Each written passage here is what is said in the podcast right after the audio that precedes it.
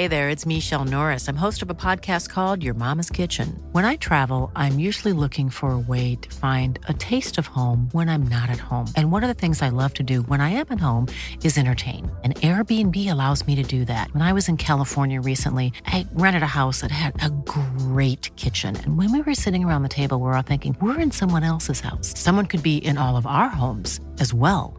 If you have a home, but you're not always at home, you have an Airbnb. Your home might be worth more than you think. Find out how much at airbnb.com/slash host. Hey, folks, I'm Mark Marin from the WTF Podcast, and this episode is brought to you by Kleenex Ultra Soft Tissues, your ally to help tackle your allergy symptoms this season. I love the change of seasons, but nobody loves pollen and all those other things floating in the air that make you sneeze during this nice weather. Kleenex Ultra Soft Tissues are hypoallergenic and allergist approved, so fight back against watery eyes and runny noses without worrying about irritating your skin. For this allergy season, grab Kleenex and face allergies head on. Hold up. What was that? Boring. No flavor. That was as bad as those leftovers you ate all week. Kiki Palmer here, and it's time to say hello to something fresh and guilt-free. Hello Fresh. Jazz up dinner with pecan-crusted chicken or garlic butter shrimp scampi. Now that's music to my mouth. Hello Fresh. Let's get this dinner party started. Discover all the delicious possibilities at hellofresh.com.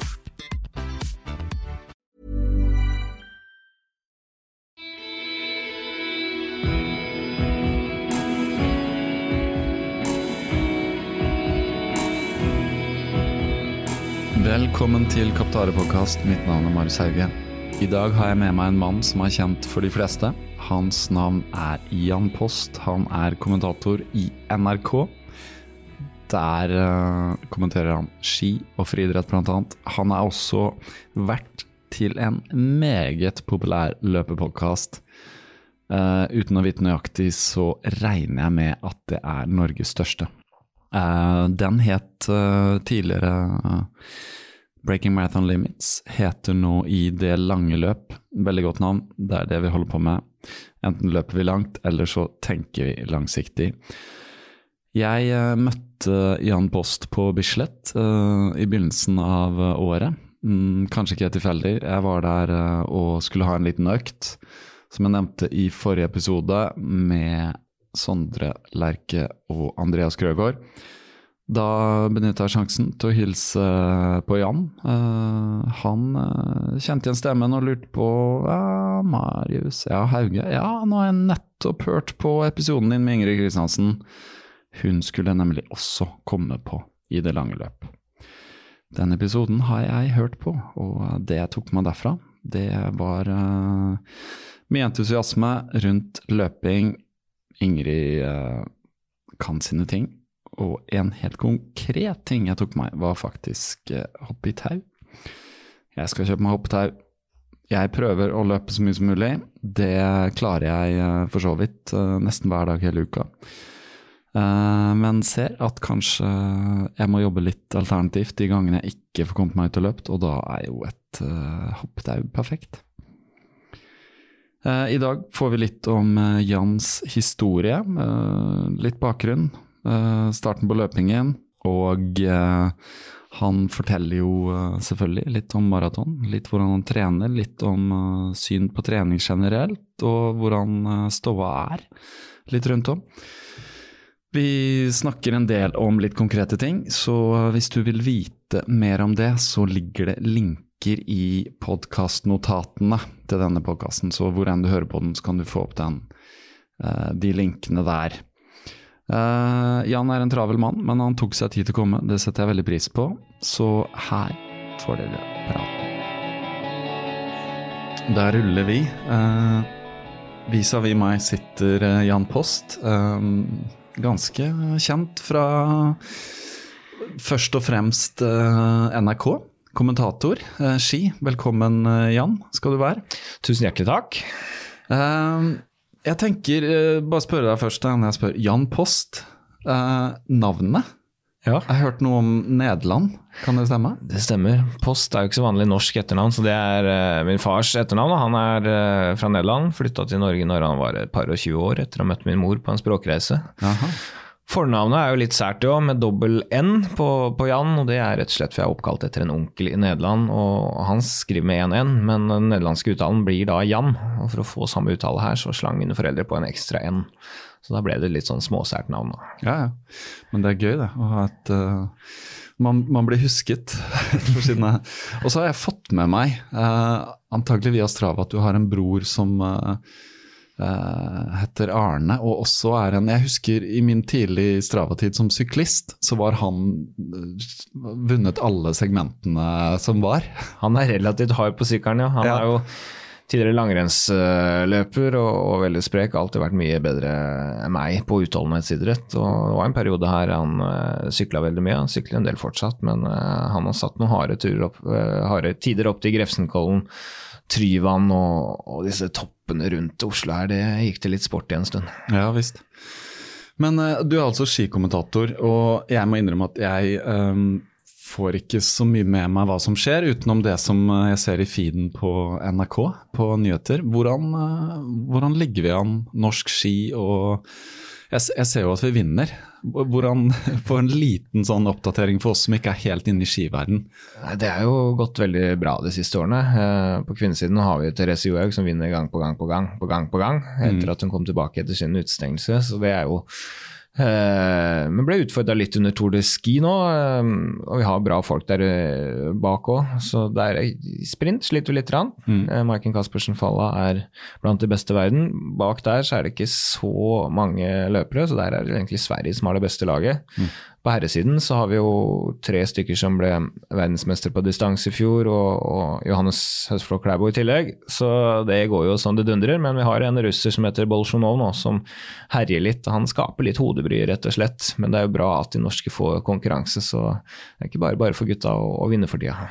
Nei, det virker som, eh, sånn sett fra mitt ståsted som ikke har så mye innsikt, det virker som vi dominerer en del på ski. Eh, ja, vi dominerer jo stort. Eh, Norge har jo en kultur som er fantastisk for langrenn. og Hvis du ser på et junior-NM i Norge, så er det kanskje 1000 deltakere totalt da, i, i, blant gutter og jenter. og Hvis du drar til Tyskland f.eks., så kanskje det er 30-40-50. altså Det er et helt annet grunnlag i Norge. Og med den treningskulturen Eh, man har opparbeidet. Man har jo fra langt tilbake hatt løpere som har gjort ting riktig, og, dette her går i, går i arv. Så mm. da står Norge sterkt. Heldigvis. Ja, heldigvis.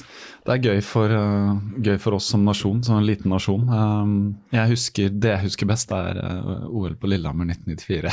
Ja. Det tror jeg var min sånn høyde på interessen total nesten dominans der òg. Men, eh, men, hva tror du om fremtiden til skia? Nå, nå, ser jeg på noen artikler på NRK at det har vært litt debatt om um, utstyr på de unge, og at det koster, og at det har blitt litt sånn ja. Ja, Det er mye debatter som går nå. Én ting er å titte ut av vinduet her vi sitter eh, nå på, på Grünerløkka i januar. Det er jo nesten som å dra ut og klippe plen utafor her, liksom. Så det er klart at det er jo en, en utfordring eh, og vil være, hvis vintrene skal være som det er. Men det har vært veldig gode vintre rett før der, så vi får bare se hvordan det er. Og så er det selvfølgelig sånn at langrennsutstyr, det det koster penger, og så har det vært uh, stor debatt rundt hva man skal smøre med. Det er jo en del smøring som koster veldig mye penger, bl.a. fluor. Um, og det har jo vært forbudt de siste årene for unge, uh, altså barn og, og ungdommer, uh, fordi det er veldig dyrt og, og, og, kanskje unødvendig. Viktigere å lære seg å trene. Mm. Lære teknikk og den, og den biten der. Men nå er det også kommet fram at dette er veldig miljøskadelig. Det er veldig skadelig for de som eh, jobber i smøreboa, eh, sånn helsemessig. Så det blir da forbudt helt opp på toppnivå i verdenscupen neste år.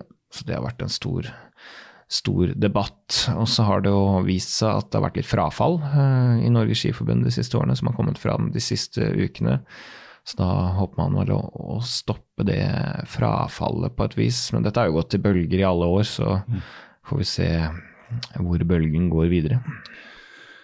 Tror du at uh, det er um, Altså, det går så mye på ski, og det er liksom, du sier arv og kultur og sånn, at vi, vi, går på ski uh, fra barnsben av. Tror du det er en dreining Nå er dette bare en teori jeg lager i mitt hode, men skjer det en dreining mot løping? Jeg ser Jakob Ingebrigtsen og hans storebrødre, og det virker som en det er en entusiasme rundt løping nå. Det er jo ikke bare de, vi er andre løpere også. Jeg tror, jeg tror jo det er sånn at uh, unge de får forbilder. og det er klart at uh, Familien Ingebrigtsen med, med, Jakob i spissen tror jeg er store forbilder for unge. Med den serien som går, og så er det mange som får med seg hva de driver med. Så jeg tror mm. det er mer naturlig for en ung eh, utøver eh, å, å, tenke mot løping nå enn det var for noen år siden. Så vi håpe at Norges Friidrettsforbund og klubbene får disse liksom inn i system. Det har vært sånn at veldig mange utholdenhets ja, altså, talenter i Norge har gått mot langrenn, naturlig, for det har kanskje vært den idretten med høyest prestisje eh, i Norge, da. Um, så det finnes en del som kanskje burde satsa løping, som har større talent for løping, som har gått mot ski.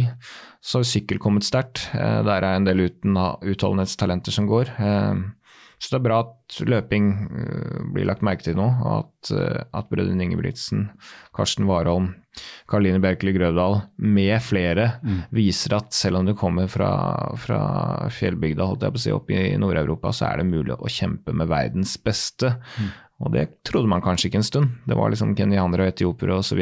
Um, da virka kanskje veien til verdenstoppen veldig lang for unge folk. da. Mm. Men nå ser de at en gjeng fra, fra Sandnes er der, og at andre er, er i nærheten. Og, og, til og med Karsten Warholm i en sprintøvelse har klart det. Meget utypisk norsk, så mm. hvis man legger ned en innsats, så er mye som er mulig. Og, og det tror jeg flere i Norge forstår nå enn for noen år siden. Og da handler det vel litt om Du snakker om uh, Hva heter det, toppidrettssenteret, eller uh, topp, uh, Hva heter det? Olympiatoppen? Olympiatoppen. det heter for så vidt toppidrettssenteret òg. ja, det gjør det. Men bare få det rett her. Handler det kanskje om at sette ting litt i system? For at når vi snakker om brødrene Ingebrigtsen og sånn, så har det jo vært en del kritikk fra han Gjert eh, hvordan ting har vært drevet. da, Og at han på en måte på tross av hvordan det har vært drevet, har fått fram disse ved å kjøre sitt eget løp. Tror du det, Har det skjedd noe der? For at dette handler jo litt om en holdning òg, da. Jeg tror veldig mange utøvere i Norge generelt er nysgjerrig på hvordan de trener. Eh, det kan være ting man kan ta med ut i andre idretter òg. Eh, og jeg opplever en stor nysgjerrighet blant andre toppidrettsutøvere på hvordan de har drevet. Eh, så er jo det et system de har dyrket fram selv, men de har jo fått innspill i, i tidligere år fra tidligere toppidrettsutøvere i Norge og idrettstrenere. Mm. Forskere så de har jo fått hjelp på veien, kan du si, men, men har satt dette i sitt eget system. og og det er jo først og fremst kontinuiteten og gjennomføringsevnen her som er forbilledlig. Altså de, de kjører jo de kjører på. Det er ingenting som kan stoppe dem. Vi har sett Henrik Ingebrigtsen dra ut fra fødestua for å trene. Liksom. Det mm. sier litt om gjennomføringsevnen. Da. Um, og så har vel det vært noen spørsmål rundt uh, spesielt Jakob, som i tidlig alder var med på en, en TV-serie hvor han sto og målte laktattester. Han var vel elleve år. Det var ikke helt alle som er enig i den greia der, men det er litt misforstått. For det er ikke for at den skal drive Jakob så veldig hardt. Det var litt mer for at den skulle bremse han, at han ikke skal mm. løpe for fort. Mm. Og jeg kjenner langrennsløpere, syklister og andre i Norge som på samme alder har trent minst like mye timer og veldig mye mer også til tider. Eh, men de drev det ganske profesjonelt i det de gjorde tidlig, da. Og det har kanskje ikke vært sånn kultur for i Norge, men hvis du går til andre land og, og turn i Kina, så, så, er dette ganske myk utgave. Så ja. det spørs hva slags ståsted man har, rett og slett. Eh, men debatt rundt det vil det alltid være, og barneidrettsreglene i Norge er er spesielle. Eh, så at de har jo kanskje vært litt eh, ja, i krasj med det litt, men ikke så veldig mye som folk tror, tror jeg. Mm. Nei, for det, sånn som ser ut fra mitt ståsted, kanskje mange andre eh, Først trodde man at på en måte han som er far til tre store talenter, kjører de veldig hardt, men det handler om andre ting, og det så jeg han Henrik hadde vært ute og sagt nå. At det handler om egentlig holdningen, da. Han sier det rett ut. Vil dere bli gode? Ok, da må vi gjennomføre. Og da må vi kjøre på, og det er ikke noe halvveisopplegg. For hvis Nei. det er halvveisopplegg, så er det glem det. Det, det gidder han ikke. Han, han, spurte jo gutta her mål f.eks. tidlig, og de sa målet er å bli kretsmester eh, om to uker. Om det var langrenn eller friidrett eller hva for noe. Og hvis gutta svarte ja da, det var fint å svare nei, da trenger ikke drive med idrett i det hele tatt, men hvis de svarte ja, så måtte de ta konsekvensen av det. Hva skal til for å bli kretsmester om to uker? Da må vi trene sånn og sånn og sånn, gjøre den innsatsen. Mm. Ikke vits å sitte og si her du skal bli kretsmester, ikke gjøre noen ting. Altså Det er det de har fått inn, og det er altså konsekvensen fortsatt. Nå har de lyst til å kjempe blant verdens beste løpere. Det er greit, da skal jeg støtte dere, backe dere og gjøre alt jeg kan for at dere blir så gode, men da må vi gjøre dette 100 uh, Hvis man faller noen prosent ned der, så er det så mange andre som gir full gass at da har man ikke sjans, rett og slett. Uh, så der er det noen ekstreme holdninger i forhold til dette med gjennomføring og kontinuitet som de tar rett og slett konsekvensen av målene, og dette ble de innprenta med ganske tidlig alder. Litt tidligere enn en, en man kanskje er vant til i Norge. Mm. Ja, det er, det er, som du sier, det er eh, en gjennomføringsevne fordi at det er en kultur for å gjennomføre. Altså de har, når du, ser, når du får så innsikt som du gjør via en TV-serie, så ser du at det er en familie. Hvor på en måte mor gjør en stor del av jobben, eh, far gjør det med logistikk. Og han er, virker som en logistikkmester. da. Han jobber for et firma og er liksom logistikksjef, og så klarer han å systematisere det også. Og så har han tre sønner som ok, det, det er dette som krever for å bli god. Og så ser du at det er noen andre brødre der som bare Nei, dette kan vi ikke være med på. Og det er en sånn morsom i sesong tre hvor de sitter og drikker gin tonics på Rivieraen. ikke sant? Så det, så det handler jo om, eh, om, en holdning, og det er jo noe som vi alle bare kan ta til oss. Altså Vil du løpe 2.30, sub 2.30 på maraton, så er det jo holdningen. Det er kontinuiteten. Men eh, nå var Andreas Grøgaard her sist, og da snakka vi litt om, om, trening og systematisering og sånn. For at vitenskapen er jo ganske tydelig på trening nå, hva er det som funker og ikke. Og det er jo en stor bolk som skal gjøres rolig, og så er det en liten bolk hardt. Men det er liksom finne ut hvor, hvor rolig er rolig, og hvor hardt er hardt. Og da snakker vi om en sånn 80-20-fordeling. Er du kjent med denne? Eh, ja, det, altså, dette er jo vanlig altså, Hvis man ser på toppidrettsutøvere i, i, Norge i utholdenhetsidrett, så ligger mye rundt der. Familien Ingebrigtsen er faktisk et unntak fra det, men det kan vi komme inn på. Men, men så spørs det om mosjonister skal kjøpe dette reint. Da, for at uh, en toppidrettsutøver i Norge trener 13-14 ganger i uka. Uh, et voldsomt volum. Og kan jo ikke da trene hardt hele tiden. Mm. Men hvis du er mosjonist og trener tre ganger i uka, så mener jeg at du må trene ganske hardt. Ikke sånn superhardt, men du, du må ta i litt eh, hver gang. Du får jo stor restitusjon mellom øktene. Det er ikke det samme eh, greia som for en toppidrettsutøver. Men hvis du er mosjonist som trener sju ganger i uka, mm -hmm. så mhm. kan du kanskje tenke litt mer sånn igjen. Så mm. hvis man trener tre ganger i uka, bare skal trene 20 hardt, Altså, du kan ikke bare eh, gjøre det sånn. Du får heller ta etter antall hardøkter først, og så får du fylle på med det andre. Så um, ja. ja. Så prosentregelen gjelder ikke for alle, føler jeg da. Nei, det handler om når du kommer opp på et visst volum. Ja. ja. Uh, og, og, klart at Sondre Nordstadmoen, som løper 200-220 km i uka, han kan jo ikke trene alt hardt. Da får han ikke restituert nok, og så ender han opp som skade. Mm. Uh, og han driver jo selvfølgelig på, på grensa og, og, tyner kroppen sin maksimalt. og Det er fort gjort å havne over. Han har vært skadet perioder, han òg. Uh, mm. Men for en mosjonist som trener ja, to-tre ganger i uka, så er det ikke noe grunn til at du ikke skal ta i litt. Du får ikke noe framgang ved bare jogge 80% av tida da.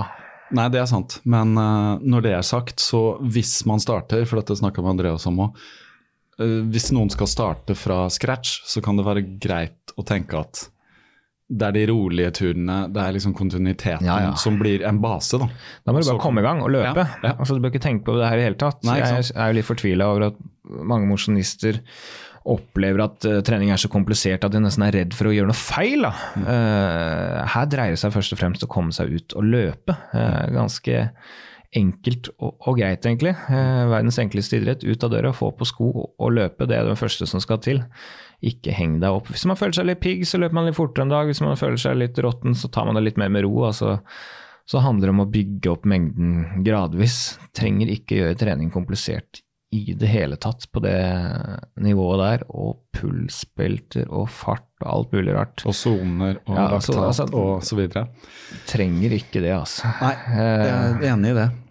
Vebjørn Rodal løp så å si aldri med pulsbelte. Han uh, tok aldri laktattester. Han trente aldri i høyden. Han ble olympisk mester i løping, så altså. da kan det hende at vi andre mosjonister kan uh, fyke litt rundt og konkurrere litt på en tier og en halvmaraton her og der uten å overkomplisere ting, da. Mm. For det handler litt om, uh, handler litt om å løpe på følelsen også? Ja, man lærer kroppen sin å kjenne, da. Eh, og jeg er jo veldig for disse hjelpemidlene sånn som puls og, GPS-klokker og alt sånn, hvis det virker motiverende. Eh, eh, og folk blir motivert av dette her og syns det er gøy å måle, og det gjør liksom treningen artigere. Fantastisk bra, bruk det som bare det. Mm. Eh, hvis det blir sånn, sånn tvangstrøye. Jeg må løpe den og den farten på rolig, og jeg må dit og datt, og knapt ser seg rundt i mm. terreng og omgivelsene og helt låst på dette her, så, så er jeg ikke så stor fan av det, da. Mm.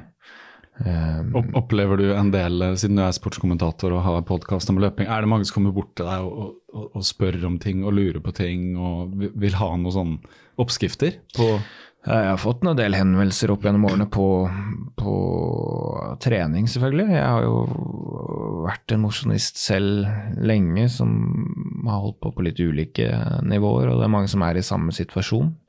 Eh, så jeg syns det er veldig gøy å diskutere trening. Eh, og så er det én ting som er sikkert, det er at alle trener ikke likt, og veldig mange får suksess. Eh, så det er ikke én oppskrift. Mm. Dette er ikke som en bakeoppskrift. Det kan man jeg har inntrykk av at enkelte mosjonister tror det er, da. Så det er rett og slett du må gi meg en oppskrift. Akkurat sånn skal du gjøre, liksom. Men det er så mye følelse og mye annet mm. i dette her, da. Men for folk flest som ikke driver på veldig høyt nivå, så dreier det seg om å komme ut og, og trene, rett og slett. Eh, kjøre litt hardt innimellom når man er pigg, og så løper man litt rolig innimellom. Og så må man gjøre langturene sine hvis man skal løpe litt lengre konkurranser. Mm. Um, jeg har en kompis som spilte fotball før, andredivisjon var det vel, og la opp det. og Debuterte på maraton egentlig ved en tilfeldighet for noen år siden. Vi var på reise, han eh, fikk muligheten til å, å løpe. Hadde da aldri løpt lenger enn to mil i sitt liv. Kom seg gjennom en maraton på 3 timer og 50 etter å ha gått på en smell på slutten. Og begynte etter hvert å trene, og han er sånn ja, skal vi løpe en halvmaraton litt hardt på trening i dag, da? Så løper han halvmaraton litt hardt, og så kommer han til helga. Ja, det var langtur, liksom. Får se hvor lenge jeg klarer å holde fire blank eller fire 15 eller et eller annet hva han bestemte seg for. Og så løper han det så lenge han klarer, og så ah, det var hardt i dag, og så ferdig med det. Kanskje litt dårlig tid på en tirsdag. Ta en rask tier i dag, da. Mm. Og så løper han litt rolig til jobb innimellom. Aldri løpt en intervall i hele sitt liv, og, og, og løp seg ned til 2,38 på maraton enkelt og greit uten å løpe en eneste intervall, uten å tenke på en eneste pulssone, mm. uten å tenke på noe som helst. Man er flink til å løpe hardt over litt tid innimellom når han føler seg bra. Da, så tar han noen rolige dager imellom. To-tre dager av og til uten å trene i det hele tatt, og så går han på igjen. Så at uh, Totalt annet forhold til trening. Har ikke kunnskap om dette, for så vidt, men han har vært blitt påvirka av oss andre som han løper med innimellom. Uh, men helt annen innstilling til det hele og kjempeframgang. Befriende, egentlig? Ja, jeg syns det er litt uh, bra at uh, noen gjør det på den måten. At ikke alle skal overkomplisere det når man ikke er på, på skyhøyt nivå. Hvis Jakob Ingebrigtsen skal forbedre seg med en halv prosent, så, så må det tenkes. Da er det detaljene. Hvis du løper maraton på fire-fire og en halv time, så er det egentlig ikke så komplisert. Nei. Nei, det handler om å få mengde. Men kan du ikke ta litt om uh, din bakgrunn? For jeg ser du har en litt sånn uh, klassisk uh, Holdt på å si klassisk, da, kanskje fordi jeg har hørt litt sånne historier. Trente som ung. Ja. slutte med det. legge litt på seg. finner ut at man må skjerpe seg. Og jeg skjønte på deg at det handla om at du er jo et sportsmiljø er rundt med liksom verdens beste utøver og plutselig blir litt flau over at man er litt tung og sånn. Jeg ser du refererte det selv som 0,1 tonn. Ja. Så kan, kan, du ikke fortelle litt sånn kjapt om din, din reise, din vei inn i, i, dette her, til å bli en uh, maratonløper på relativt høyt nivå? da? Jeg kan starte fra starten. Jeg, har alltid vært en sportsidiot helt fra jeg var eh, liten. Sett masse sport på TV. Drevet med en haug av idretter fra jeg var liten. Uh, spilt fotball, håndball. Fotball spilte jeg til jeg var junior. Håndball var jo bare noen år fram til jeg var tolv. Uh, jeg drev med langrenn, hopp, kombinert. Faktisk, du har hopp også? Ja, faktisk hoppa i K90-meter en gang yes. der midt på 90-tallet. Drev og sysla med det. Orientering og, friidrett. Haug med andre idrett jeg var innom kort òg. Eh, men det var orientering jeg drev det lengst i. Det var det jeg gjorde best, på en måte. Uh, tok et par medaljer i junior-NM der. og var førstereserve i junior-VM et år. Um, men så flytta jeg til, til Bodø for å større, studere journalistikk. Dette var vel da i 2000, og da var motivasjonen min ganske laber. Så tenkte jeg skal jeg trene 15-20 timer i uka for å kanskje bli god i orientering? Nei, det skal jeg ikke. Og så la jeg opp. Og da gikk fokus over på, på skole. Holdt det gående, ja, trente litt noen år der. Jeg gikk også på idrettshøyskolen da i 2003-2004. Uh, fikk jo trent litt der òg. Um, men jeg begynte å jobbe i VG, uh, i sportsredaksjonen. Og som ung journalist uten fast jobb i vikariater, så må du bare si ja til alt. Gjøre alt du kan ut av alt. Så jeg jobba og reiste uh, ganske mye en periode der, og da ble det dårligere og dårligere med trening. Eh, så må man kose seg litt på tur òg, da. Da blir det fort eh, et par halvliter og en treretters middag veldig seint på kvelden. På et pressesenter midt på dagen så hiver du det, det som står der, om det er kaker eller sjokolade eller pølser eller alt slags mulig eh, tull. Når du da trener lite holder på sånn i noen år, så stiger vekta. Og når vi nærma oss da nyttår 2010-2011-overgangen så, så, veide jeg 0,1 tonn, 100 kilo. Og skulle gå opp denne monsterbakken i Tour de Ski, denne slalåmbakken. Eh, fordi Thomas Alsgaard var eh, blitt syk. Han var jo eksperten, så det var en som fikk lys i det. Han skulle sende mannen i gata opp der og se åssen det gikk, og mannen i gata, det var meg. uh, og da pusta jeg pesta så fælt opp. Jeg tenkte at det, det her det ble sikkert sånn halvfestlig TV-innslag hvor en sånn hval prøvde å bevege seg oppover der. Men eh, men jeg syntes ikke det var så gøy, egentlig, så da bestemte jeg meg for å begynne å trene igjen. Så når jeg kom hjem fra Tour de Ski, da var 6.-7. januar, så lagde jeg et veddemål med en kompis. Skulle trene 200 ganger det året. Jeg tror jeg endte med å trene 320. Trente veldig variert. Um, ikke for å bli god i løping, egentlig. Jeg sykla, jeg løp, trente styrke. Spilte golf, ble med på ninefotball. Var mest mulig aktivitet, da. Da gikk jo vekta ned. Når vi hadde kommet fra januar da, i mars, tror jeg, så spurte Thomas Alsgaard en eller annen grunn om jeg ville være med å løpe New York Marathon, som er første helga i november. Jeg vet ikke om han forventa at jeg skulle si ja, men jeg sa nå i hvert fall ja. Øh, og vi meldte oss på et par dager etterpå. Og da var på en måte det ble et mål. Jeg hadde ikke tenkt at jeg skulle løpe noen konkurranse i det hele tatt.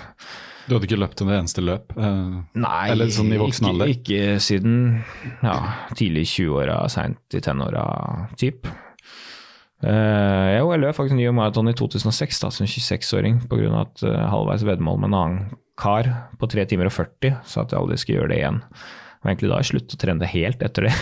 Tok meg fem års pause etter New York Marathon. Det var litt dramatisk, eller? Eh, ja, det var rett og slett veldig vondt. Jeg var skada på forhånd, var ikke forberedt i det hele tatt. Så de siste 15 km var helt forferdelig. Ja. Det var mest for en sånn kompis som egentlig var musiker, som hvis det innebærer at jeg blir med deg nå, innebærer at du skal løpe maraton, da skal jeg være med.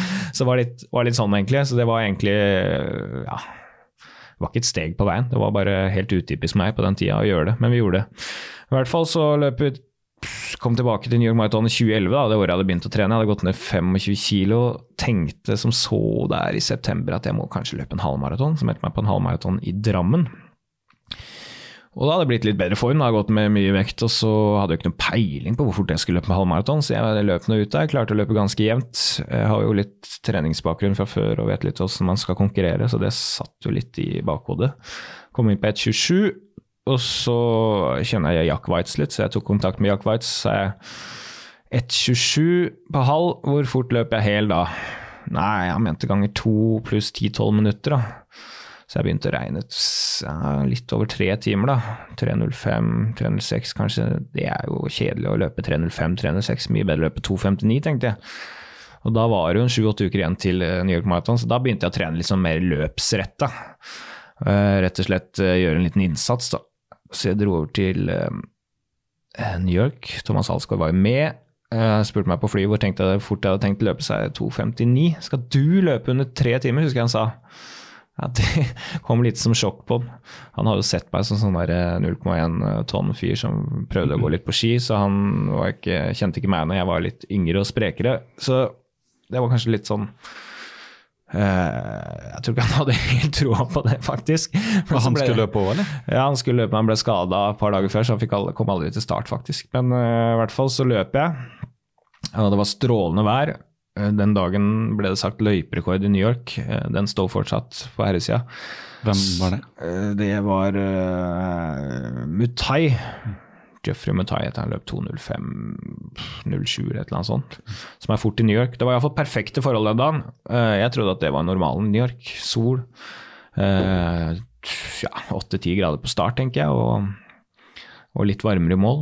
Helt nydelig. Og jeg hadde en ganske god dag. Klarte å ta det rolig fra start. Husker jeg passerte halvmaraton på noen sekunder bedre enn jeg løp i Drammen da en seks-sju uker før. Tenkte nå satte jeg, satt jeg iallfall sats pers på halvmaraton underveis, men jeg, jeg tror jeg bare løp et halvt minutt, minutt saktere siste halvdel og kom inn på 2.55. Og for meg som da hadde lagt ned en ganske solid innsats det året, eh, og trent, endra livsstil, eh, gått ned 25 kilo, det var en ganske lang reise. Altså dette målet på slutten av dette siste to månedene trent mot det, så var det ganske Det var store opplevelser, rett og slett. Jeg var veldig stolt av meg sjæl. Fantastisk glad, det gjør vondt på slutten av et maraton. eh, Så gleden bare å komme i mål er jo stor, men, men det var liksom slutten på et års reise der, og en total omvelting. Eh, Så det bobla i kroppen. Det var en ekstrem sånn mestringsfølelse og glede og lykke og alt som var, som var liksom sterkere enn mye annet jeg opplever i et A4-liv. Så jeg ble hekta på den følelsen der. Husker jeg eh, møtte Alsgaard like etterpå. Han smilte og gratulerte. Det var litt stort, bare det. Um, Men det var en veldig, veldig god opplevelse, da. Og når jeg kom hjem da, så tenkte jeg at nå er jeg vel såpass bra til å løpe at jeg kanskje kan oppsøke noen løpegruppe kanskje trene med andre og sånn. Og så, så begynte jeg å løpe da. Da var jeg hekta på maraton, siden har jeg løpt et par-tre i året, da. Så sånn har det gått. Ja, ikke sant. Og du har, eh, du har pressa tiden ned, du. Jeg var litt hekta da på å forbedre meg, så det klart jeg hadde veldig mye å gå på. Det året der, jeg starta jo ikke akkurat ideelt, eh, så det klart at når jeg var på 2.55-nivå på slutten her og kunne fortsette å trene med, med en lettere kropp og visste litt mer hva maraton gikk i, hva slags trening, så fikk jeg trene med noen året etter som var ganske mye bedre enn meg eh, i perioder. Eh, Kristina Bussholt, som på den tida hadde gjort 2.33 vel, året før, Um, som jeg trente mye med, og endte opp med å løpe 2.38 året etter. Mm. Um, det var vel en mindre steg egentlig enn det jeg tok året før, men, men det var vel min første maraton som gikk ganske raskt. Da. Siden det så har jeg jo blitt bitte litt bedre, men ikke veldig mye bedre. Jeg har 2.32. Eh, Også i New York, stemmer. ja. Jeg, jeg leste nettopp et referat som du hadde skrevet på um, Sportsmannen, tror jeg. Stemmer. Flott referat, langt referat. Jeg kan linke til de notatene. Det var uh, en, en god dag for deg der. Ja, det var, det var eh, gøy det året. Da hadde jeg jo slitt en stund, og jeg har jo fått familie oppi det her, og ting går litt opp og ned treningsmessig, og også motivasjonsmessig, men så gjør jeg noe skippertak innimellom. og Da hadde jeg vært skada en periode, og det har vært mye dill og dall et år der. Så kom jeg tilbake og, og løp 2.32, litt overraskende for meg selv, og ble vel nummer 49 i herreklassen i New York. Det er 50 000 på start totalt, da. alle de er jo ikke herrer, selvfølgelig, men uh, det var jo en veldig stor opplevelse. Da opplever den liksom samme gleden som i 2011 der. Mestring, lang treningsperiode, uh, og treffer maksimalt med løpsopplegget, alt stemmer, alt er bra, været er bra. Enorm uh, glede og rå følelse av å komme i mål, da. Og det er det, det øyeblikket der og de neste timene jeg på en måte lever for resten av året. Jeg løper veldig få løp i året. Uh, sikter meg inn mot disse løpene. Så jeg vil, gjerne, jeg vil gjerne oppleve de øyeblikkene. Det, det spiller ingen rolle for verden om jeg løper 2.31 eller 2.29 eller 2.35 eller 2.49, men for meg så er det ofte slutten på en reise og lagt ned en innsats. uh, Så for meg så, så betyr det litt. Jeg syns det er en rå følelse, rett og slett. Så jeg er blitt hekta på den. da. Jeg er blitt litt sånn junkie, kanskje. Og du, du kjører på videre, du. Du løp også New York eh, i fjor. Ja. Da du starta podkast, og da ble det litt sånn enda mer fokus på deg, Da gikk det ikke så fort, men sannelig er du fortsatt nære 2,30. For jeg husker, jeg husker jeg så deg en gang, eh, kanskje et år siden eller mer, oppe på Bislett. Peisen i 30 runder i høy fart. Jeg spurte hva fart du løp og sånn, og da var det blitt litt fokus på dette breaking 230 eller breaking marathon limits og 230 og sånn. Er, er, det fortsatt noe du har i, i sikte, eller? Fortsatt, Når vi snakker om tid? Sånn. Fortsatt en drøm for meg å løpe 2.29. Eh, jeg løper dette løpet i New York som vi snakka om på 2.32,53. Mm. Og, og, da tenkte jeg at en flat, hadde det vært flat løype, hadde jeg vært i Berlin i dag, så hadde det vært farlig nære. Mm. Så tenkte jeg at jeg må ikke forbedre formen så veldig veldig mye mer, så dette må være mulig. Så ja, da starta jeg ved breaking 230, som vi kalte det, med Andreas Grøgaard, som har vært i denne podkasten. Fikk med en jeg husker ikke hvor mange det var, sju-åtte rundt i Norge da, med ulike utgangspunkt, som hadde sjanse til å løpe under 2,30, eh, og som satte det som mål. Lagde en slags sosial plattform på, på, nett med Facebook og Instagram og diverse. Delvis for å inspirere oss selv, delvis for å inspirere andre. Syns at det var veldig få som kanskje satsa maraton i Norge, kontra å satse Birken og, og den type ting der. Så 2,30 er en grense for liksom sånn, ja, fra supermosjonist til litt mer seriøs løper, egentlig. Så vi fikk flere med der, og håper også å inspirere andre som hadde andre eh, mål. da, Om det var tre timer eller tre og en halv eller fire eller hva det var, så, så lagde vi på en måte en plattform der jeg prøvde å nå ut til litt folk for å være en inspirasjon. Og da ble det jo selvfølgelig fokus på 2,29 for meg. Nå endte det med at ca. halvparten klarte det. Jeg var ikke blant dem. Jeg løp 2.33 blank på våren, som var mitt raskeste vårmaraton noensinne. Og tenkte at nå er jeg i form rett ut av en vintersesong med mm. kommentering. Nå har jeg sjansen. Kjørte på litt for hardt, ble skada og fikk en periode på tre-fire måneder jeg ikke løp, rett og slett, det året. Så jeg, løp ikke Berlin, jeg var påmeldt. Løp ikke New York, jeg var påmeldt. Eh, så det ble en nedtur. Eh, så endret vi navn på prosjektet, tok inn enda flere folk og kalte oss Breaking Marathon Limits. For at det ikke bare skulle dreie seg om 2,30, men, men, alle mulige grenser og mål folk hadde. Gikk enda bredere ut. Starta en podkast, eh, litt tilfeldig. Min gode podkastvenn Christian Ulriksen eh, ja. hadde løpt eh, London Marathon. Og det starta jo egentlig sånn som at han er litt treig, vet du. Han var det sånn greit at vi skulle skrive løpsrapporter da, i dette prosjektet, og han er litt treig, så tenkte jeg det her blir aldri noe av. Jeg gjør et opptak med han, stikker innom han på jobb, og så, så tar vi intervjuer han litt om løpet hans. Og så var det vel ganske mange som hørte på det der, da. Så da begynte vi litt i det små, og så, og så ble det mer og mer podkast, rett og slett. Mm. Mm. Vet du hva, det, det, det, kan vi ta. Ta det litt kronologisk, for det er én ting jeg har lyst til å bare stikke innom før vi tar mer om podkasten og Ulriksen og sånn. Ja. Og du har vært i Kenya. Ja. For det du leste, det har jeg skjønt, du leste Adaranan Finn sin uh, 'Running with the Kenyans'. Den har jeg også lest. Mm. Drar neppe til Kenya, men du dro Altså, var dette vet ikke hvilket år og når dette skjedde og sånn, men 2014 var det det. Ja. Var det rett og slett fordi du hadde lyst til å bli god og ville se hvordan de beste trente, og ble inspirert av hans bok? Jeg ble veldig inspirert av hans bok. Han var da en, en uh, britisk journalist som tok med seg familien og bosatte seg i Kenya et halvt år, der uh, mange av de beste kenyanerne bor, på 2400 meters høyde i Eton, men også et sted hvor veldig mange av verdens beste løpere, uavhengig av nasjon, da, tar, tar, turen. Men det var ikke først og fremst for at jeg skulle bli bedre. Jeg var vel der ni-ti dager. Jeg jobber jo som friidrettskommentator i NRK. Og, og, disse gutta, og, og veldig mange uh, av de som drar dit, de er jo store stjerner. Jeg mente at det rett og slett var tjenesteforsømmelse av meg å ikke ta turen for å se hva slags forhold de lever og trener under der nede i, i, Kenya. Eh, jeg mente at jeg ville få mye dypere forståelse av friidretten og langdistanse- og mellomdistanseløping ved å være der. Da. Så jeg fikk overtalt min daværende sjef til å sende meg ned mot at jeg eh, lagde en, en slags bloggserie som jeg kalte Postkort fra Kenya. Så det var sånn, sånn, egentlig det kom i gang. Så jeg var der i ni-ti dager og, og, skrev disse postkortene et nytt hver dag. Eh, og opplevde veldig veldig mye. Oppsøkte de beste norske som var da, som da var Sondre Nordstad Moen, Sindre Burås, Kristine Eikrem Engeseth, som var der på treningssamling. Og Mo Farah hadde jo flyttet ut fra naborommet omtrent dagen før jeg kom. Eh, og så olympiske mestere vandre rundt på den campen vi bodde. Og var ute og løp på de samme grusveiene observerte fellesøkter Og, og, hele den kenyanske livsstilen var hjemme hos noen løpere som prøvde fortvilet å slå gjennom, som bodde på fire-fem kvadrat med blikktak. Ble servert lunsj. Uh, ja, mange, mange opplevelser. Prøvde å snakke med flest mulig folk. Oppsøkte den lokale skolen hvor mange av talentene har gått opp gjennom. De har eget tre til minne om hver karriere der oppe av de som har gått der. Og, ja, jeg prøvde å suge inn mest mulig inntrykk, da. Eh, først og fremst med tanke på jobben. Men det var jo gøy å, å løpe der òg.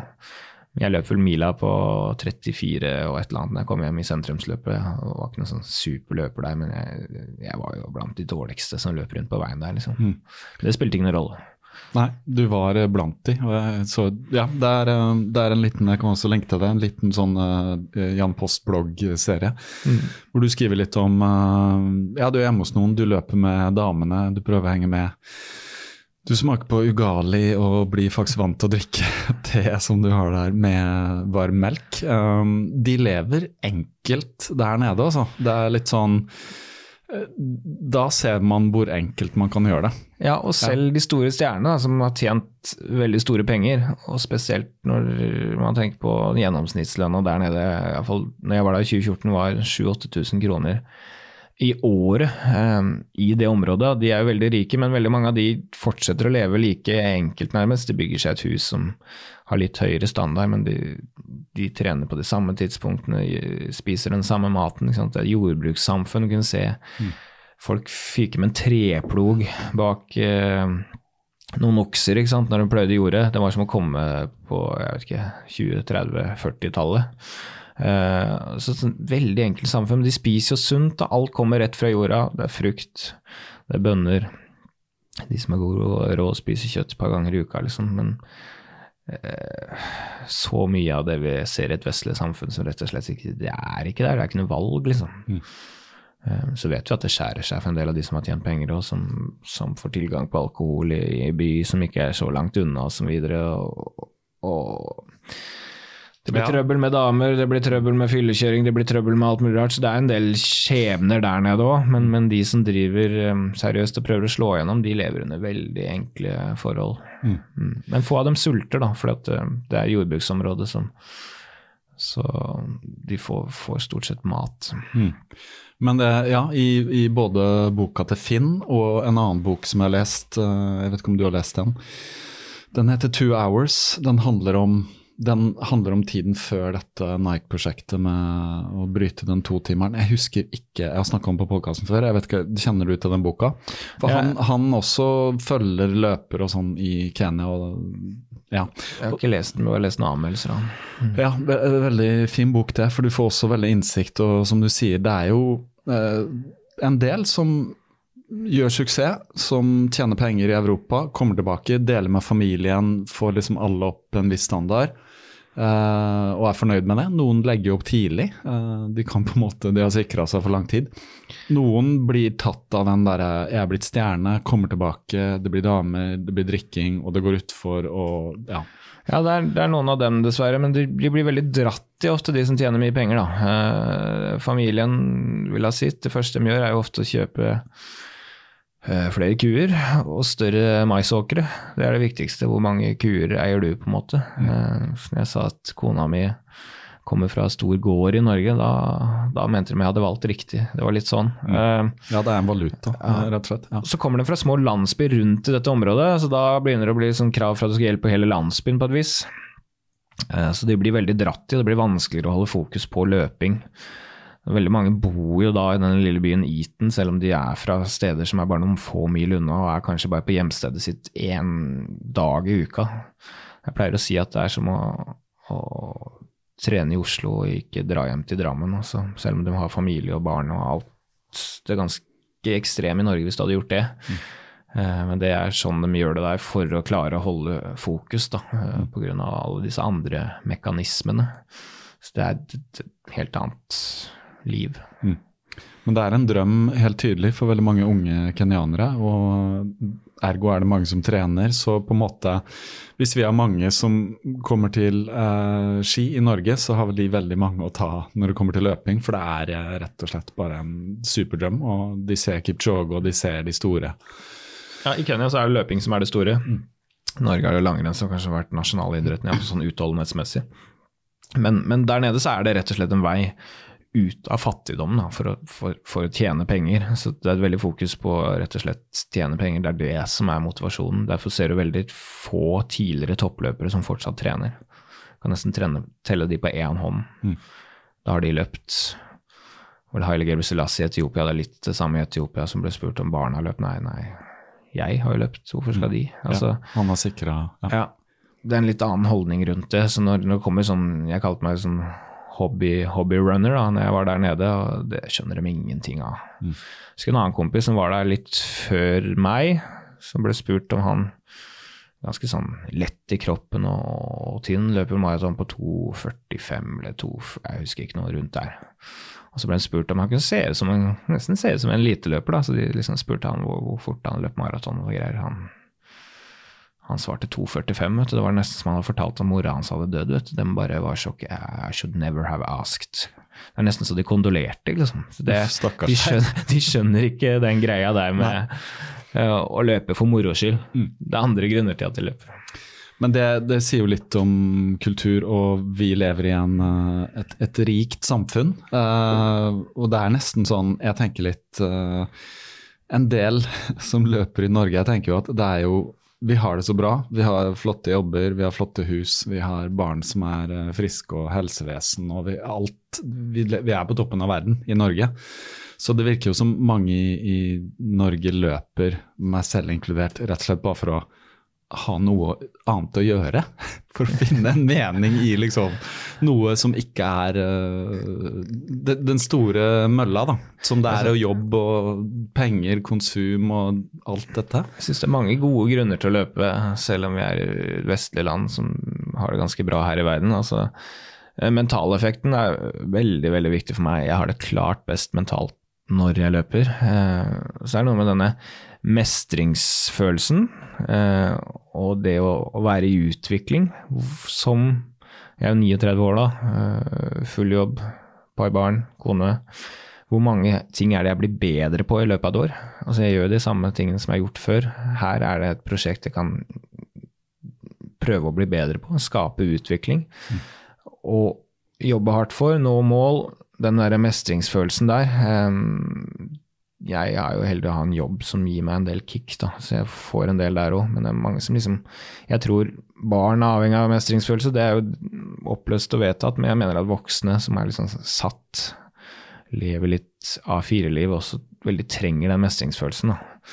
Så når jeg løper en tur om morgenen, så føler jeg at jeg ligger litt på forskudd. Da, da leder jeg på, på, resten av de som ikke har løpt. Da blir resten av dagen mye lettere å hanskes med òg det er noen mentale effekter, det er en sånn mestringsfølelse i forbindelse med det som, som, gjør at jeg rett og slett har det bedre. da. Og det er uavhengig av hvor fort jeg løper. Helt samme følelsen når jeg løper maraton på 3,40 som jeg løper 2,32 eller whatever. Altså. Mm. Det er ikke det som er greia.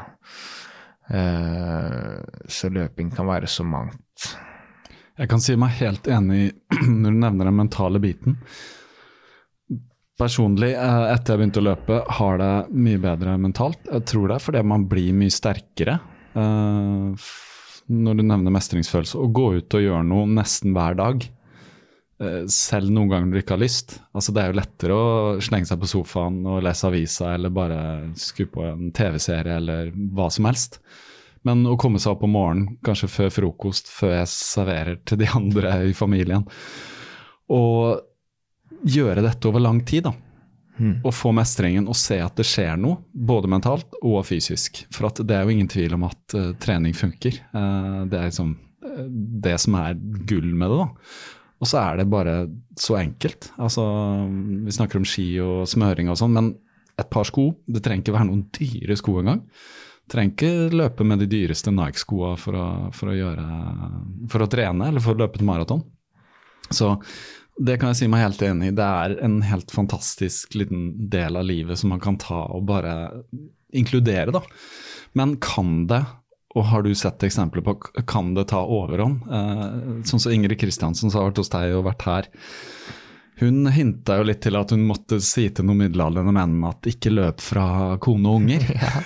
ja, men det er jo sånn som alt. Litt er bra, for mye er for mye. Og jeg kan jo også være i den gruppen som kan liksom nesten bli for hekta det her. Eh, bli i perioder, iallfall siste måneden før maraton og sånn, så kan det liksom prege litt mye av livet mitt. Da. Hvor god form jeg er på trening og neste økt jeg tenker osv prøver å være litt mer avslappa resten av året, men jeg kan dette i den bobla rett før, og da kan man diskutere hvor bra det er, da. Eh, men det er liksom en del av den der, jeg kaller det selvrealisering, selvutvikling. Eh, så er det litt viktig for meg. Jeg tror at jeg er en bedre far og en bedre ektemann ved at jeg har de prosjektene der. Eh, så er nok kona litt irritert på meg innimellom.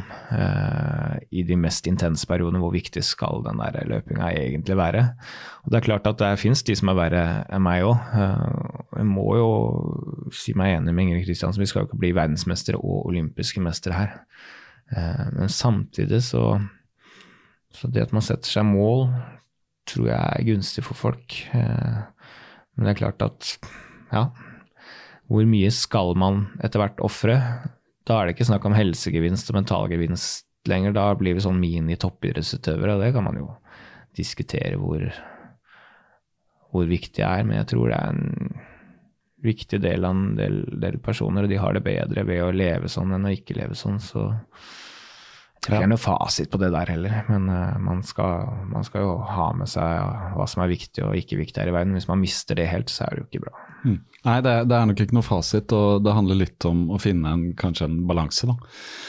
Og selvfølgelig, altså Man tester jo ikke balanse før man på en måte går litt for langt, så det kan være greit å dra tøye litt i strikken. Jeg, jeg, kjenner meg igjen i det der kona kan jo Hvis man har, har en oppheta diskusjon, så kan det falle en kommentar sånn at Et lite stikk om løpingen eller noe sånt, og da blir man jo selvfølgelig litt såra. Fordi vet ikke hva jeg ofrer, liksom. Altså, dette er jo viktig, men, uh, men Jeg kan dra fram et bilde vet du, da jeg veide 0,1 tonn. og Lå mye på sofaen mellom arbeidslagene, spør om det var noe bedre. Så tror jeg nok hun syns dette er bedre, tross alt. Ja. Men jeg har en veldig veldig tålmodig kone, så det er veldig sjelden vi havner i konflikt rundt min, min trimming. Mm. Det er mer å, å, klargjøre tidspunkt for når ting skal gjøres. Ja, For det er jo en logistikk, du som har uh, to barn. Ja, det er jo litt sånn, jeg husker vi var på sydenferie her for et par år siden, var rett før jeg skulle løpe New York Marathon, hadde akkurat løpt Berlin Marathon, liksom. Og, og da sa hun at så lenge du er ferdig med å trene til klokka åtte, så er det greit. liksom, Så kvart over seks hver dag. Traff bare andre gærne nordmenn òg på det hotellet, så, så var vi oppe. Møttes kvart over seks hver dag, mener jeg det var, og var ferdig til halv åtte. åtte og da har du da resten av dagen med familien. Eh, god samvittighet sjøl. Da blir jeg litt sånn roligere. Jeg får bedre tålmodighet med ungene faktisk når jeg har gjort det jeg skal. Så det fins jo løsning på sånne ting, men man må jo være litt smart, da og, tilpasse dette resten av livet, så alle er enige om det som skal skje. Hvis man er på, byr på overraskelser hele tida i forhold til når man skal trene, og er liksom på kollisjon, kollisjonskurs med resten av familien, så tror jeg ikke det er noe bra oppskrift. Altså. Nei, og da, da, blir det mer en byrde og kanskje litt mer slitsomt uh, enn det trenger å være. Mm.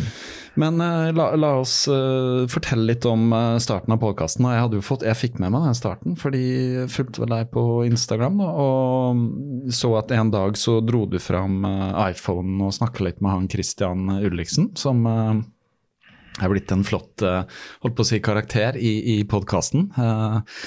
Og uh, dette begynte uten noen sånn stor plan. Uh, han skulle skrive, men det fikk han ikke gjort. Det gikk litt treigt, så det tenkte jeg like greit å bare få fram. Må hjelpe han, han der før han får gjort noe. Nei, så rett og slett intervjua han om, om London Marathon. Han hadde jo løpt et ganske habilt maraton, var på 2,23, et eller annet sånt. Hvordan ble du kjent med han, forresten?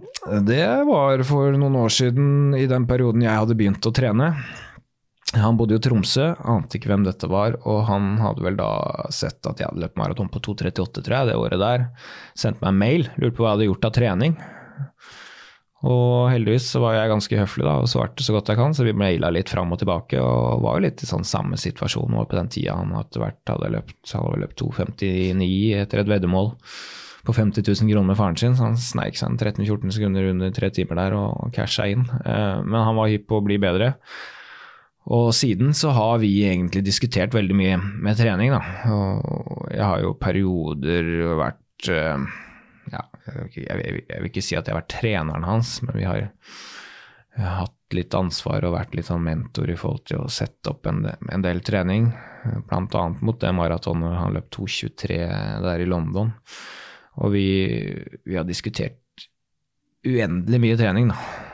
Både på nett, og over telefon og face to face etter at han flytta til Oslo. Så den podkasten er egentlig et mer resultat av samtaler vi alltid har hatt, mm. men nå gjør opptaka. Mm. Um, og så, etter hvert som dette utviklet seg, så tenkte jeg at det var artig at toppidrettsutøvere i Norge fikk snakke om treninga si. Jeg synes jeg har vært en del av masse medier, en del av sportsredaksjoner både både VG og NRK. Jeg syns jo at mye av sakene går på helt andre ting enn det Mm, utøverne selv veldig opptatt av. De er opptatt av trening. altså 24 timer i døgnet, så det går de og kverner på hva de skal gjøre på trening og justeringer og, og treningsfilosofi og diskutere med trenerne sine og seg imellom. Så dette er de veldig opptatt av, og, og det syns jeg de snakker om veldig lite av i media, med mindre om det er noe spesialmagasin. Mm. Og så er det en del mosjonister i Norge som er ganske opptatt av å trene, som er uh, mosjonister, supermosjonister. Litt i samme bås uh, som Christian og meg, da. Så tenkte vi at de har sikkert interesse av å høre litt hva topputøverne gjør. Og så får toppidrettsutøverne snakke litt om det de er opptatt av, og så kanskje dette kan være litt interessant, da. Så har jo podkasten vokst litt sånn gradvis. Ja, altså jeg tenker at det var uh, ikke et vakuum, men et behov, da, for uh, Altså, nå har jeg holdt på et år eller noe sånt litt over, og bare merka med dette lille soloprosjektet mitt at det fikk jo voldsom oppmerksomhet og, og sånn, og, og andre podkaster også. Og så kom dere inn. Og jeg, jeg, ser entusiasmen rundt det, og jeg tenker at det er jo supert å kunne dele på denne måten all den kunnskapen som du nevner, med alle de som du har tilgang til av toppidrettsutøvere. Så vi kan høre på mens vi løper. Altså det er jo egentlig maks, for å si det sånn. Jeg syns det er veldig hyggelig hvis folk blir litt inspirert, da, og kanskje plukker opp et tips eller to òg, og utfordrer seg selv litt. Høre litt hva toppidrettsutøvere gjør, hva andre mosjonister gjør. Og kanskje det kan dra dem over dørterskelen en og annen dag de egentlig ikke har så lyst til å trene. Eller at de gjør en hardøkt bedre enn de ellers ville gjort. Eh, den type ting. Jeg må på sette seg et mål som syns jeg er gøy.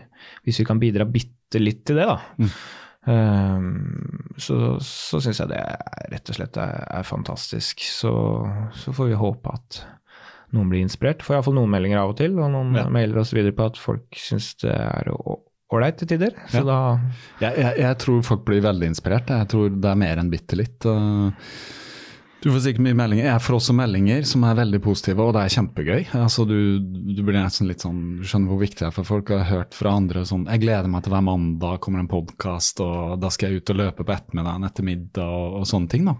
Så bare det å kunne bidra til uh, den lille inspirasjonen, som du sier. Så, men hvordan eh, skjedde det, hvis du vil dele det, å gå fra en liten eh, iPhone-opptak til å lage Breaking Marathon Limits podkast til at NRK, som jo er en, hva skal jeg si, en gigant, da, eh, fikk lyst på den. Var det For at du er jo NRK-ansatt, men dette gjorde du på en måte på slags fritid, da, i gåseøyne, eller? Ja, vi gjorde ja. dette på fritida gjennom dette prosjektet som het Breaking Marathon Limits, uh, som jeg hadde vært med å starte opp sammen med Andreas Grøgaard, som var her uh, for en liten stund siden. Um, så vi drev det under jo det, og det, det, det dreide seg liksom mye om, om treninga til Christian Ulriksen og litt mine egne ting. Uh, til å begynne med, og det er ikke akkurat mat for en sportsredaksjon eller et mediehus som NRK. Da. Men etter hvert så dro vi inn mer toppidrettsutøvere. Vi fikk jo øh, snakke med flere og flere, og, og podkasten vokste litt. Så etter hvert så var jeg liksom oppe på å snakke med Sondre Nordstadmoen og ja, Henrik Ingebrigtsen og sånn. Og da klart at dette er mer øh, NRK-mat. Mm. Så jeg kom til et sånt skille at dette begynte å ligne på jobben min. Eh, og når NRK da var interessert i at vi kunne drive det for NRK, så klart vi takka, eh, takka ja til det. Så fikk vi det inn. Så nå er det på en måte arbeidstid for meg. Mm.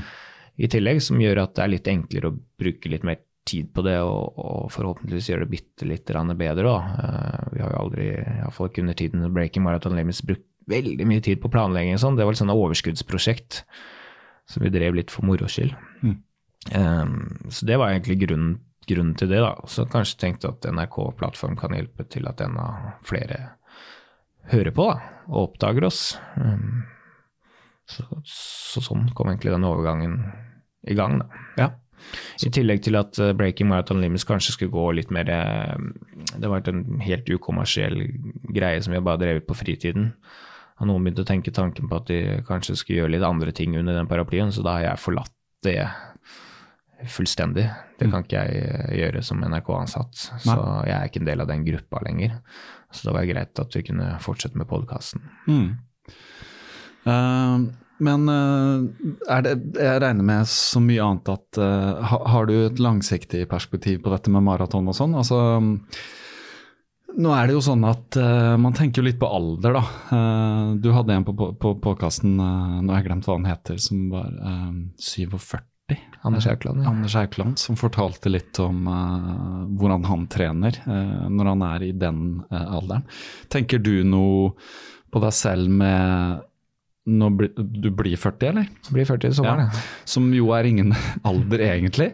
Uh, tenker du noensinne på hvor langt kan du dra det, og når når jeg toppen osv., eller? Fordelen med å ha vært ganske svak som yngre, da, er jo at man kan stadig forbedre dette. Det er klart at Å løpe fortere enn jeg har gjort nå, er ikke noe kunst i seg selv. Det er ikke noen veldig, veldig god tid. Jeg vet akkurat hva som skal til for å løpe eh, fortere. Eh, nå er jeg en gitt familiesituasjon, det er jo grenser for mye jeg har tenkt å trene, liksom. Eh, men jeg er fornøyd med mine, mine tider, jeg, men vil gjerne bli litt bedre. Og jeg tror ikke det er alderen som kommer til å stoppe det. Mm. Jeg er jo på sosiale medier og ser jo stadig eksempler fra utlandet, også Norge, for folk som er vesentlig eldre enn meg og løper vesentlig fortere. Så Det er ikke begrensningen.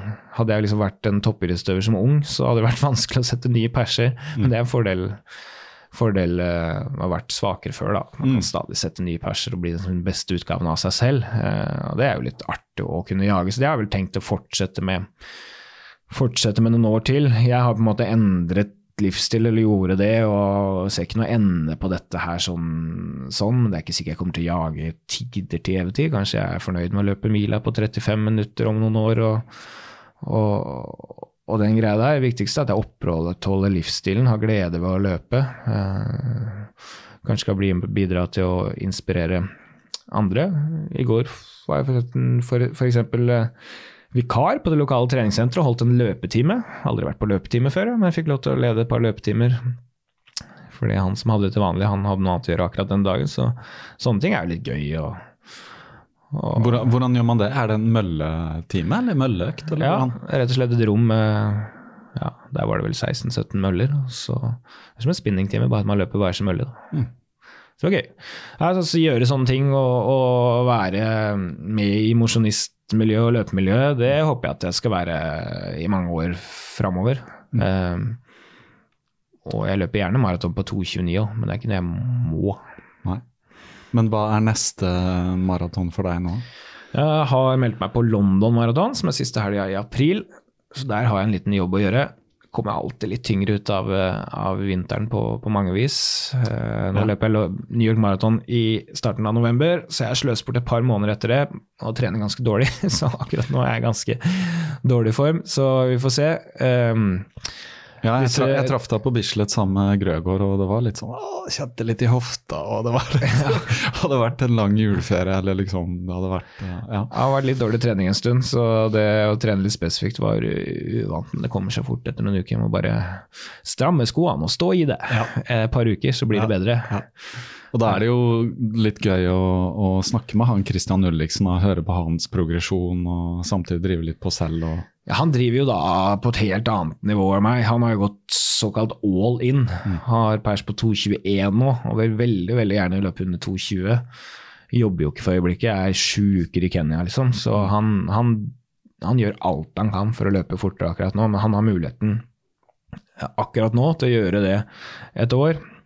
Jeg tror han kommer til å sitte med igjen med utrolig mye, uansett hvor fort han løper. Mm og ikke løper, så tror jeg det her året kommer til å gi han ganske mye. Lærer ekstremt mye hver dag. Er sammen med veldig interessante folk. Jeg tror han, han sitter på gamlehjemmet når han er eh, 75 år, fortsatt kommer til å huske det året her. Mye gode historier. Ja, det er det som er av verdien for han. Kanskje han løper 2,19 og blir veldig glad for det, men alt i alt så er det en unik opplevelse han er ute på nå, da. Eh, møter veldig, veldig gode utøvere og får leve tett på dem i et OL-år. Eh, bare det gir en, en sportsidiot som han veldig mye. Mm. Og kan fortelle om det på podkasten, så alle vi her hjemme også får det med oss. Ja, det syns jeg jo synes jeg er gøy at han, han Ja. er jo glad i å fortelle, han. Så, Han så, så det er jo fint at han kan han deler noe av den reisen. Da. Så, så er ikke målet vårt at alle skal bli som han, og kaste alt de har for å løpe fortest mulig. Eh, det er det ikke, men, men han Nei, men det har, det har kanskje litt med hans personlighet å gjøre. Og når du sier all in, eh, han har en fortid som en pokerspiller. Og, Ja, all in Gambler litt, ja.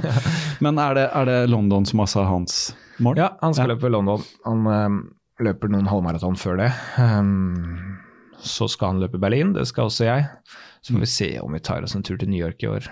I fjor så løp jeg vel to eller tre løp hele året, og Mm. alle Ja, tre var det.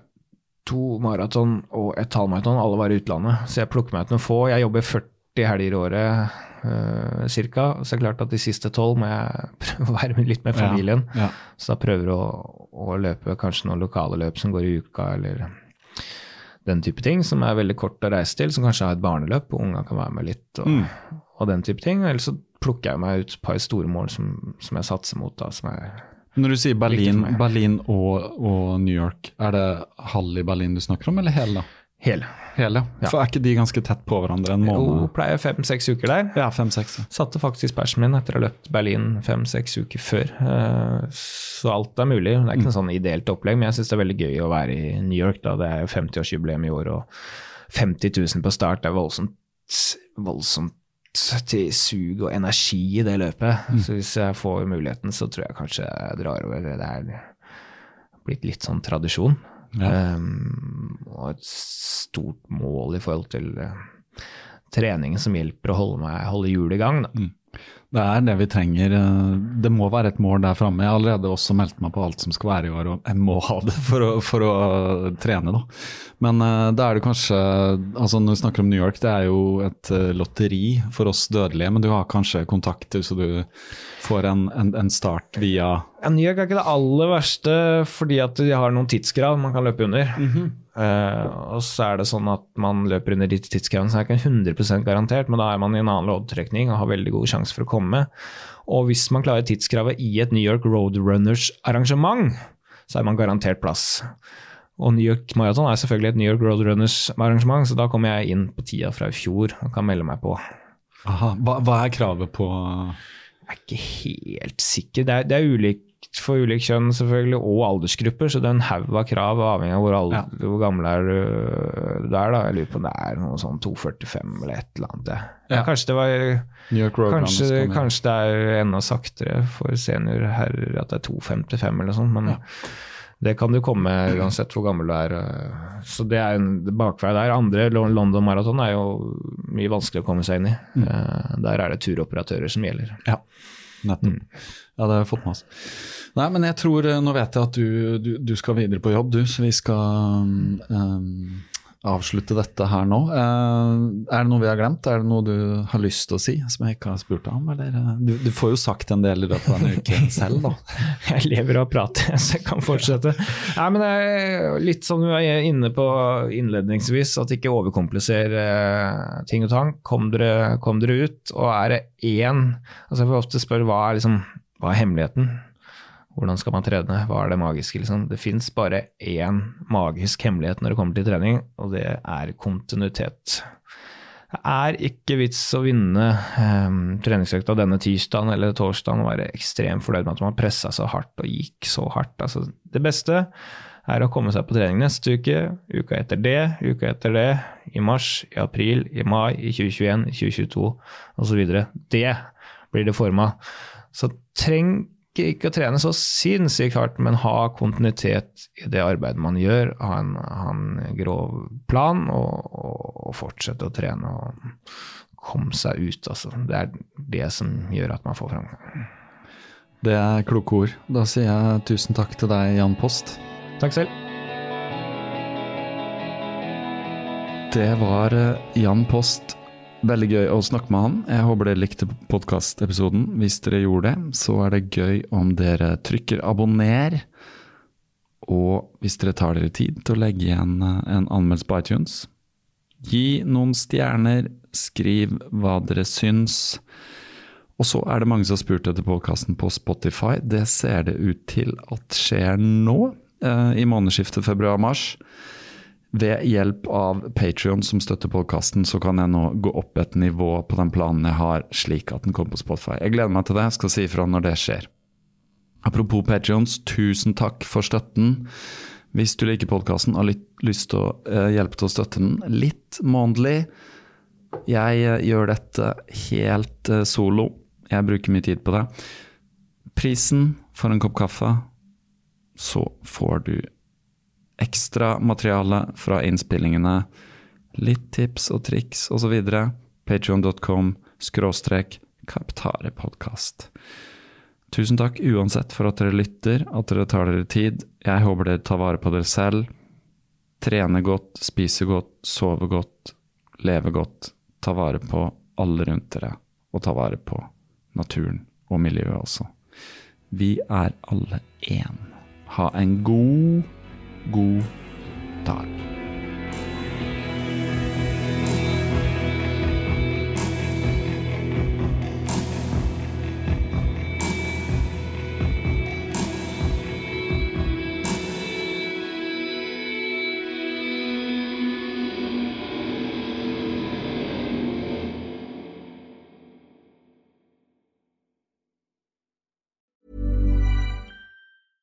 Step onto the legendary clay courts of Roland Garros, where the world's best players battle it out at the French Open for a chance to win a Grand Slam title. Tennis Channel Plus is your place to watch. Stream every court from your phone or smart TV live in HD. See the action unfold as legends fight for glory and new rivalries emerge. Daily live coverage begins Monday, May 20th, with match replays on demand so you never miss a moment. From the first serve to the final point, Roland Garros promises unforgettable moments and new chapters in tennis history.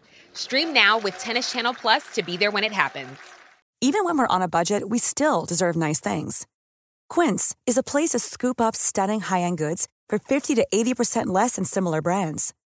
They have buttery soft cashmere sweaters starting at $50 luxurious Italian leather bags, and so much more.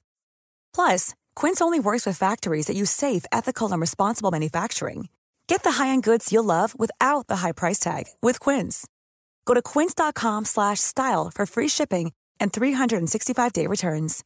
Imagine the softest sheets you've ever felt. Now imagine them getting even softer over time. That's what you'll feel with Bowl and Branch's organic cotton sheets. In a recent customer survey, 96% replied that Bowl and Branch sheets get softer with every wash. Start getting your best night's sleep in these sheets that get softer and softer for years to come. Try their sheets with a 30-night guarantee. Plus, get 15% off your first order at bowlandbranch.com. Code BUTTERY. Exclusions apply. See site for details.